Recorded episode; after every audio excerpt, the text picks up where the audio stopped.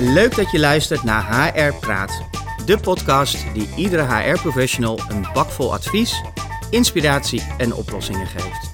Mijn naam is Marco Winkel, HR-directeur bij Visma Raad. In 2020 hebben het kabinet en de sociale partners overeenstemming bereikt over de hoofdlijnen, de uitwerking van het pensioenakkoord 2019. Wat eind 2021 geresulteerd heeft in een concept wetsvoorstel. Het streven van het kabinet is om deze nieuwe wetgeving 1 januari 2023 in werking te laten treden, waarbij er sprake is van een overgangsperiode van 4 jaar. Het pensioenakkoord zorgt nogal voor wat vraagstukken. Zo loop ik er zelf ook tegenaan. Daarom ga ik vandaag in gesprek met Corianne. Corianne Haagraats is commercieel directeur pensioenen bij ASR en is al ruim 15 jaar werkzaam in de pensioenwereld.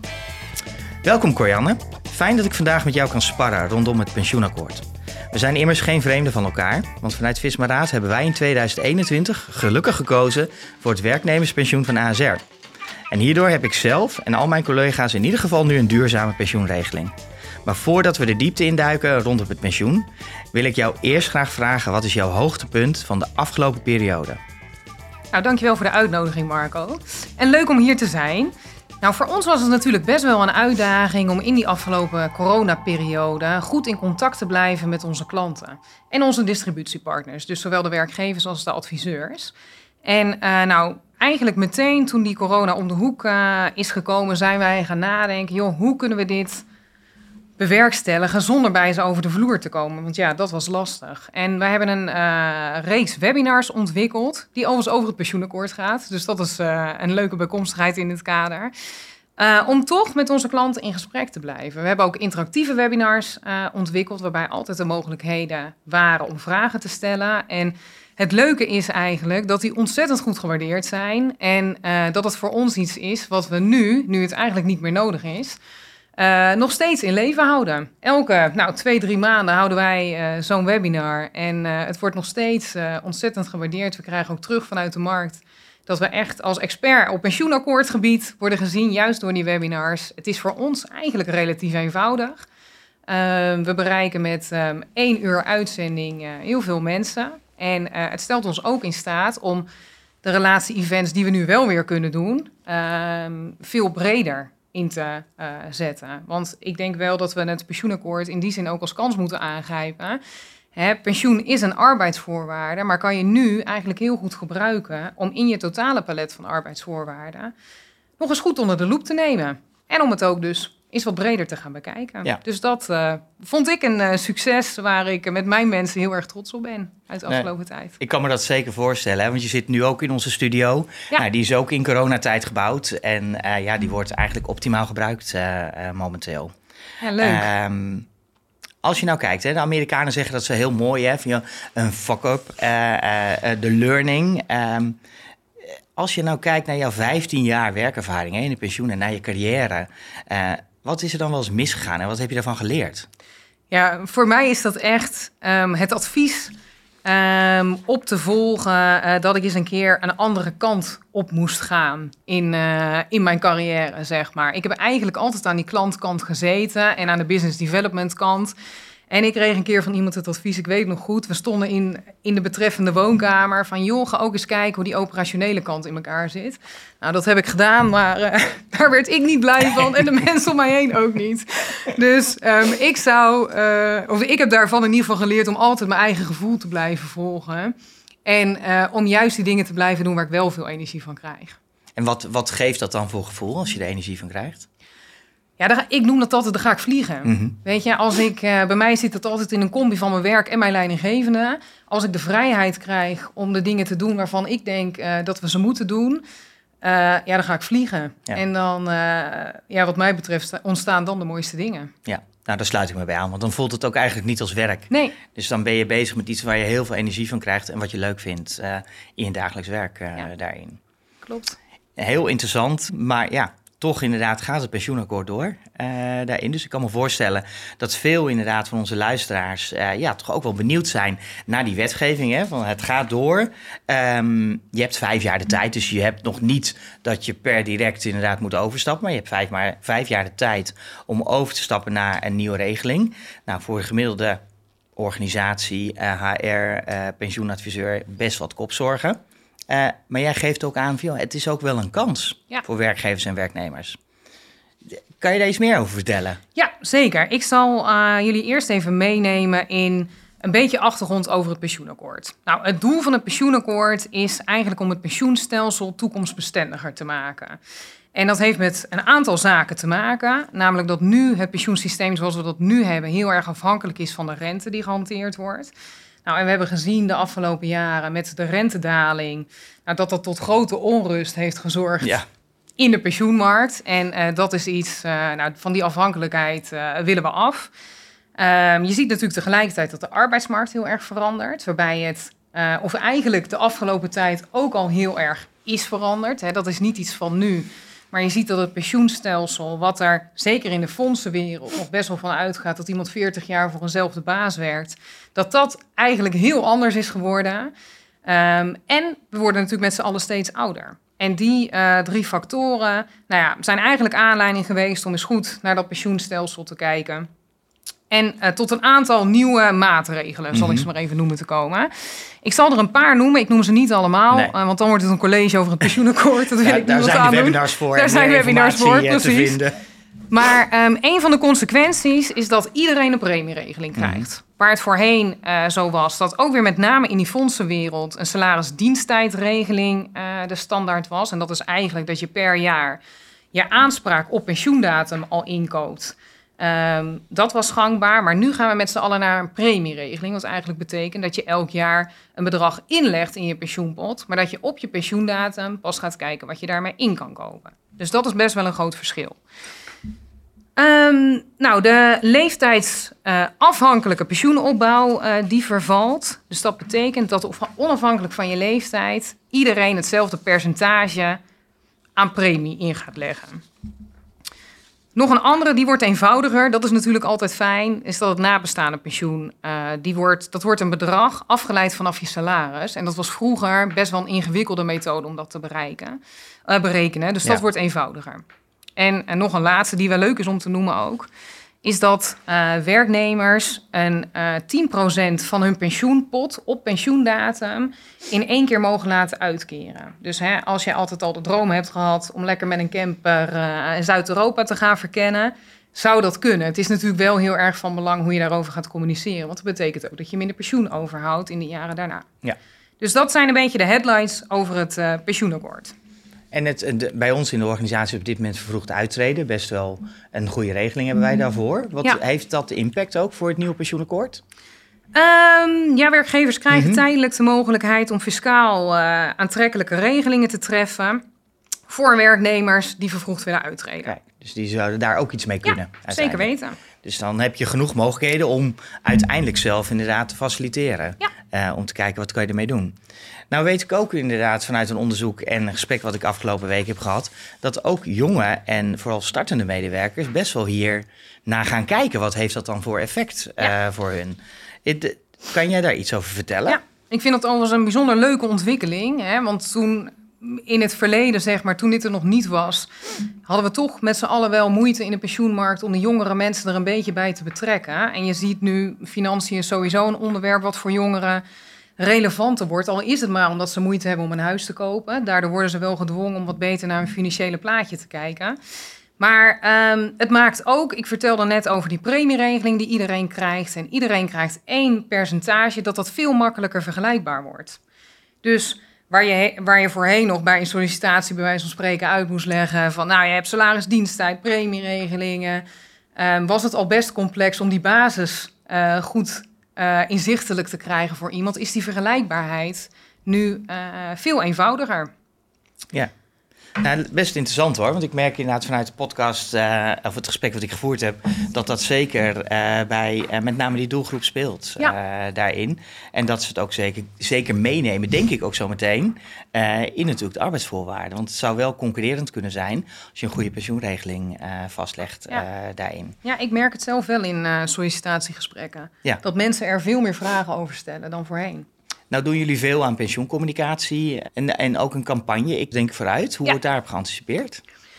Ja, dat wordt eigenlijk, uh, die ziet ook met name op die groep, uh, nou, de 35 plussers, zeg Mhm. maar. Ehm, dus nog wel enigszins jongeren. En daar wordt wel heel goed op gereageerd. Eigenlijk wat ons doel is met Ik Denk Vooruit... is om financieel inzicht eh, te geven... en om mensen in te laten zien dat hun financiële doelen... eigenlijk dichterbij zijn dan ze denken. Want als wij het nu met... Als ik het tijdens een deelnemerpresentatie bijvoorbeeld met, met mensen heb over eerder stoppen met werken, denken zij heel vaak, ja joh, dat duurt nog zo lang. Maar als je nu daar kleine beetjes voor gaat sparen, is dat al best wel dichtbij. En eh, nou, door ze dat inzicht te geven, open je ook de mogelijkheid tot een gesprek daarover. Hè? Want nu, als ze het niet hebben, dan durven ze er eigenlijk ook niet echt over te gaan praten. Want dan denken ze, ja, ik heb eigenlijk geen idee hoe mijn situatie eruit ziet.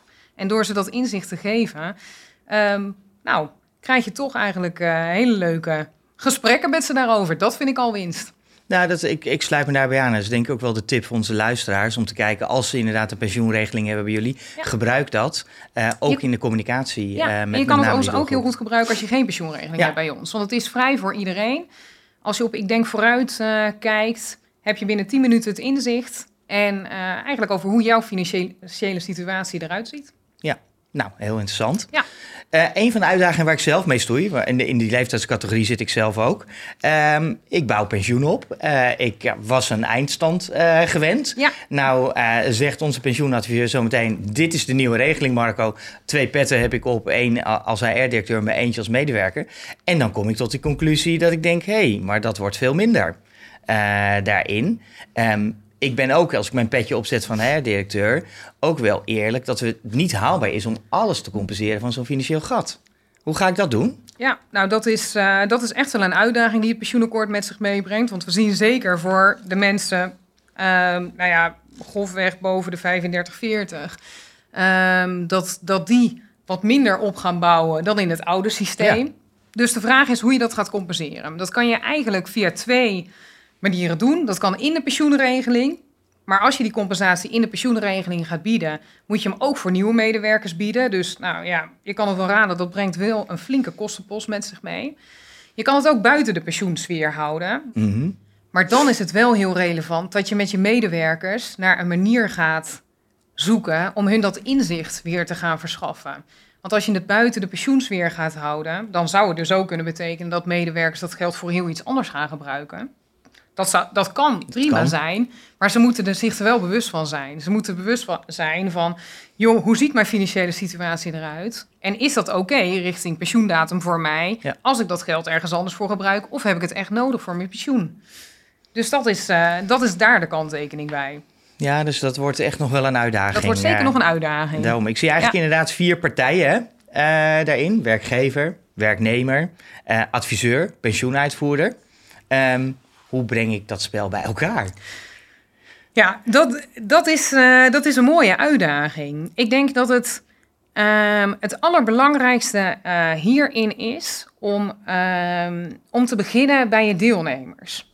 Wat willen zij nou graag? En, ehm, en wat verwachten zij van hun pensioenregeling? Hoe zien ze hun pensioenregeling? En hadden het in het begin even over kansen. Dit is ook meteen een kans. Want dit stelt je wel in staat om je pensioenregeling opnieuw voor je werknemers te positioneren. En ook de waarde daarvan. Want alle werkgevers die leggen er eigenlijk heel veel geld in. Maar uit onderzoeken blijkt ook dat medewerkers dat niet per se allemaal heel erg waarderen. Die gaan beter op grote auto's, bij wijze van spreken, dan op hun pensioenregeling. Dus het is ook meteen een mooie kans om te laten zien hoeveel geld er nou daadwerkelijk ingaat voor die mensen. Nou, als je met je medewerkers een lijn hebt gevonden van, nou, hè, deze kant, ehm, eh, of dit is voor hun in een pensioenregeling belangrijk, dan is het een, eh, een moment om samen met je adviseur en je uitvoerder eh, te gaan zitten in wat zijn de mogelijkheden. Wat zou logisch zijn op basis hiervan om voor welke regeling te kiezen, bijvoorbeeld. En hoe ga ik dat compensatievraagstuk inkleden? Want dat is er ook eentje. Ja, dat klinkt inderdaad eh, als een grote uitdaging. Ja. Ik heb het geluk inderdaad dat ik in mijn team iemand heb zitten. Maar eh, het wordt een hoop faciliteerwerk, een Ja. hoop communiceerwerk eh, daarin. Ehm, hoe kan jij voorbeelden geven hoe je dat als werkgever kan faciliteren? Je zegt net al communiceren, hè? Ja. Leg uit wat je met dat geld kan doen. Ja. Wat, wat kunnen we nog meer doen? Wat kunnen onze luisteraars nog meer doen? Nou, bij het communiceren ehm, zie ik dat je het meeste succes behaalt als werkgever als je heel erg insteekt op de verschillende doelgroepen die er zijn. Hè, wij hebben het net al even kort Ja. gehad over eh, rond die 35. Eh, dat is een belangrijke leeftijd. Zo zijn er natuurlijk ook mensen die al dichter tegen hun pensioendatum aanzitten. En die hebben vaak hele andere behoeftes. Dus ik zou er ook eh, voor pleiten om voor die groepen, en zo zijn er meer groepen te onderkennen natuurlijk, dat is ook afhankelijk van je bedrijf, maar aparte sessies bijvoorbeeld te houden, waarin zij hun hele gerichte vragen ook gewoon zonder gêne durven te stellen, waarbij je echt ingaat op wat voor die groep relevant is. Dat maakt al vaak dat mensen er op een hele andere manier over na gaan denken. Dus die zou ik ehm, ehm, allereerst ehm, ja, aan willen Mhm. reiken. En daarnaast is dit wel echt het moment om eh, die deelnemer over zijn financiële situatie en zijn pensioensituatie na te laten gaan denken. Dus als je op dit spoor zit, zou ik ook zeker iets in combinatie met je adviseur doen, als in inloopspreekuren. Wij merken heel erg zelf dat wanneer je zo'n sessie hebt gehouden, dat daarna de informatiebehoefte veel sterker is. Dus dat is eigenlijk het moment wat je kan aangrijpen als werkgever zijnde om die mensen net dat volgende zetje te geven tot het financiële inzicht. Ja, dus echt doelgroep, doelgroepgerichte Ja. communicatie. Zorgen dat ze de juiste informatie hebben om ook de juiste keuzes Ja. te kunnen maken eh, Ja. daarin. Want ik kan me ook voorstellen dat mensen zeggen, nou, ik ga wel beleggen. Ik ga het zelf regelen. Ja. Of ik stop mijn geld ergens anders in. eh, eh, wat, wat sneller rende, meer- rendeert eh, daarin. Dat is de werkgever. Dan kijkt vaak de werknemer altijd naar HR. Ja. En die zegt, vertel mij even hoe. eh in welke uitdagingen zie je voor HR? Nou, we hadden het er net natuurlijk al even over, over die vijf jaar hè, die Ja. er nog is. Maar begin op tijd, Ja. zou ik zeggen. Want het is een omvangrijk traject, hoe je het ook went of keert. Je moet al die lagen door met je werknemers, met een adviseur. En ehm, het is ook heel fijn als je dadelijk lekker twee jaar voor die eindstreep klaar bent. Hè? Dan heb je en ehm, heeft iedereen nog voldoende tijd voor je, je adviseur, de uitvoerder. En, ehm, en je hebt het gewoon op, ja, je houdt zelf de regie. Ja. En eh, ik denk dat dat heel prettig is. Ja, dus eh, eigenlijk begin op tijd. begin dat op zou ik ook adviseren. Ja. Want ja, gaandeweg de termijn, dan lopen Ja. de adviseurs en de uitvoerders natuurlijk spaak eh, ja, op een gegeven dus- moment. Ja, Want de einddatum staat. de einddatum staat. En ehm, ik denk ook dat als je op tijd begint, dat je het ook wat makkelijker en wat rustiger houdt voor jezelf. Het stelt je ook voor jezelf in staat om nog eens wat te lezen over het pensioenakkoord. Ehm, ja, dat. We zeiden het net al, hè, nieuwe instroom komt eraan. Eh dat blijft bij elke organisatie. Ehm, als je nu een hele goede regeling hebt en je gaat zo meteen een verslechteren, dan kan ik me voorstellen dat in het employer brand en de employee experience dit natuurlijk nadelig kan werken. Heb jij daar al over nagedacht of heb je daar tips voor? Nou, eh, wat daarin ook weer heel belangrijk is, is dat je dat gesprek met je werknemers blijft voeren. En ehm, het is natuurlijk wel zo, ik weet niet of dat je dat zo zwart-wit kan zeggen, maar over het algemeen stromen wat jongere mensen je bedrijf in. Mhm. En voor hun verslechtert de situatie nog niet eens zo. Hè. Zij kunnen er best op vooruit gaan. Zeker als zij al een beschikbare premieregeling hadden. Ehm, dus ik zou er eh, ja, eigenlijk weer voor willen pleiten. Neem je medewerkers gewoon heel goed mee. Zij zijn ook ambassadeurs hè, van je bedrijf. Dus ook in het werven van nieuwe medewerkers zijn dat gewoon hele belangrijke mensen. Mhm. En eh, nou ja, ten aanzien van de jonkies eh, zal ik ze een beetje oneerbiedig noemen. Mhm. Maar ehm, leg ze het gewoon goed uit. En geef aan wat je op pensioengebied ook voor ze te bieden hebt. Ehm, dit gaat ook weer terug naar die waarde van je pensioenregeling. Ja. Die is er echt wel. Alleen heel veel mensen weten het niet. Nee, dat klopt. Ja, Dus dat als je uiteindelijk hem goed vermarkt eh, daarin, dan weet ik zeker, en dat blijkt ook uit onze HR-benchmark, dat dit een goede arbeidsvoorwaarde Ja. is eh, daarin. Zie ik ook zeker terugkomen eh, uiteindelijk. Als je nou als HR-professional luistert en denkt, ja, dit is best overweldigend wat je allemaal vertelt. Hè? Vijf jaar, heel veel doen, spel inderdaad van medewerker, werkgever, adviseur. Wat is dan het meest belangrijke advies wat je meegeeft? Ehm, ik denk die eh, doelgroepgerichte communicatie. Mhm. Denk daar heel goed over na. Hou het relevant van mensen. Want jij zei net iets heel moois. Hè? Je wil die deelnemers keuze laten maken. Ik denk dat dat echt het belangrijkste is. En daarin geen keuze maken is ook een keuze. Als het maar bewust kunnen. En eh, dat gaat gewoon vele malen beter als je dat doelgroepgericht doet. We hebben, ehm, ik denk een jaar of drie geleden alweer een heel leuk onderzoek, of vond ik een heel leuk onderzoek gedaan over. eh, het ging ook over financiële keuzes Mhm. maken.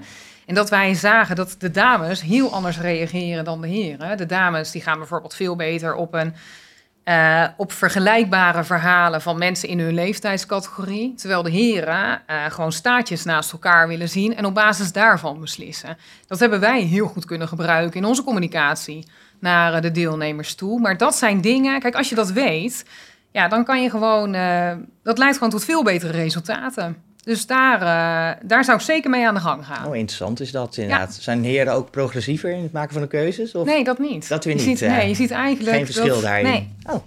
Nee, en we hebben het ook wel eens bij hypotheken gedaan. Ja. Daar zie je eigenlijk dat de dames de keuzes maken zelfs.